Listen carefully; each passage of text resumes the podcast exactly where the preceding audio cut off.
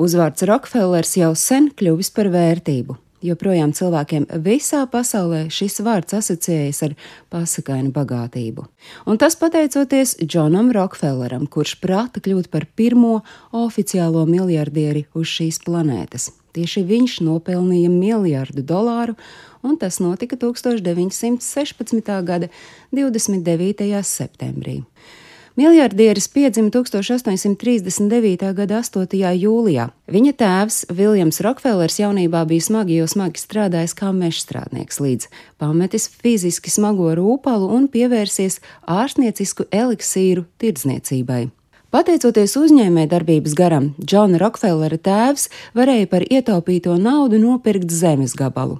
Tikmēr Džons, kā otra no sešām Rokfelleru atvasēm, uzņēmējdarbībai pievērsās jau septiņu gadu vecumā, audzējot un pārdodot tītarus. Turklāt viņš ļoti rūpīgi pierakstīs visus komerciālos panākumus īpašā piezīmju grāmatiņā, un tas viss ļāvis viņam vien pāris gadu laikā nonākt tik tālu, ka viņš varēja kreditēt vietējos zemniekus, aizdodot viņiem naudu ar procentiem. Sasniedzis 16 gadu vecumu, Rokfellers ticis pie grāmatveža palīga darba nekustamo īpašumu un kuģniecības uzņēmumā, kur ātri vien viņš uzdienējies līdz vadītāja amatam, bet no tā atteicies viena vienīga iemesla dēļ - alga bijusi jaunajam censonim par švaku, un tās Starp citu, bija Rokfellera kā algota darbinieka darbības beigas. Kopš tā laika viņš visu atlikušo mūžu strādāja tikai sev. Amerikas pilsoņu kara laikā, nodarbojoties ar pārtikas piegādi armijai, viņš vairāk kārt palielināja sākotnējo kapitālu, un tad jau nebija vairs ilgi jāgaida līdz brīdim, kad sākās naftas magnāta Rokfellera ēra.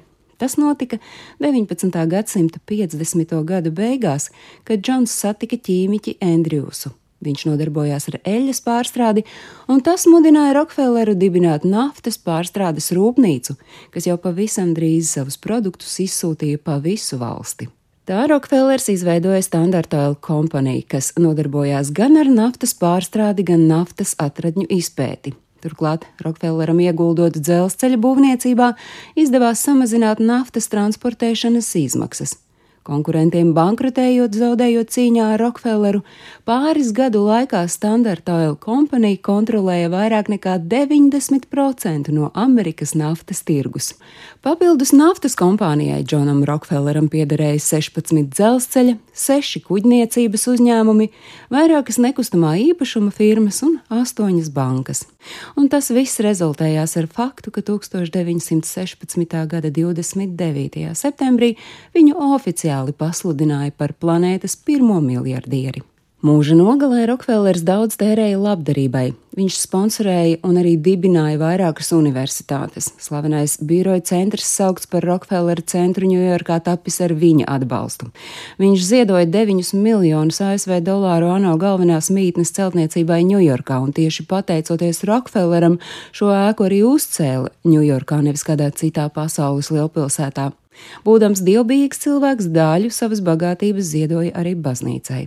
Pasauli Rokfellers atstāja vien pāris gadu pirms savas simtās dzimšanas dienas, bet cilvēkiem atstāja sava vārda nospiedumu un virkni atziņu, kas dzīves vēl šodien. Piemēram, atcerieties, ka darbs ir cēlies no vārda vergs, Centieties nestrādāt citu cilvēku labā, tā jūs tikai padziļināt savu nabadzību un atkarību no algošanas. Veltiet savu laiku un pūles savai lietai un ambīcijām. Sapnis katra cilvēka galvenais dzinējs. Kad cilvēki pārstāj sapņot, viņi apstājas un viņu dzīve izbeidzas. Un vēl neaizmirstiet par labdarību. Palīdziet tiem, kuri cieš, un esiet atsaucīgs cilvēks. Stāstīja Agnese Drunka.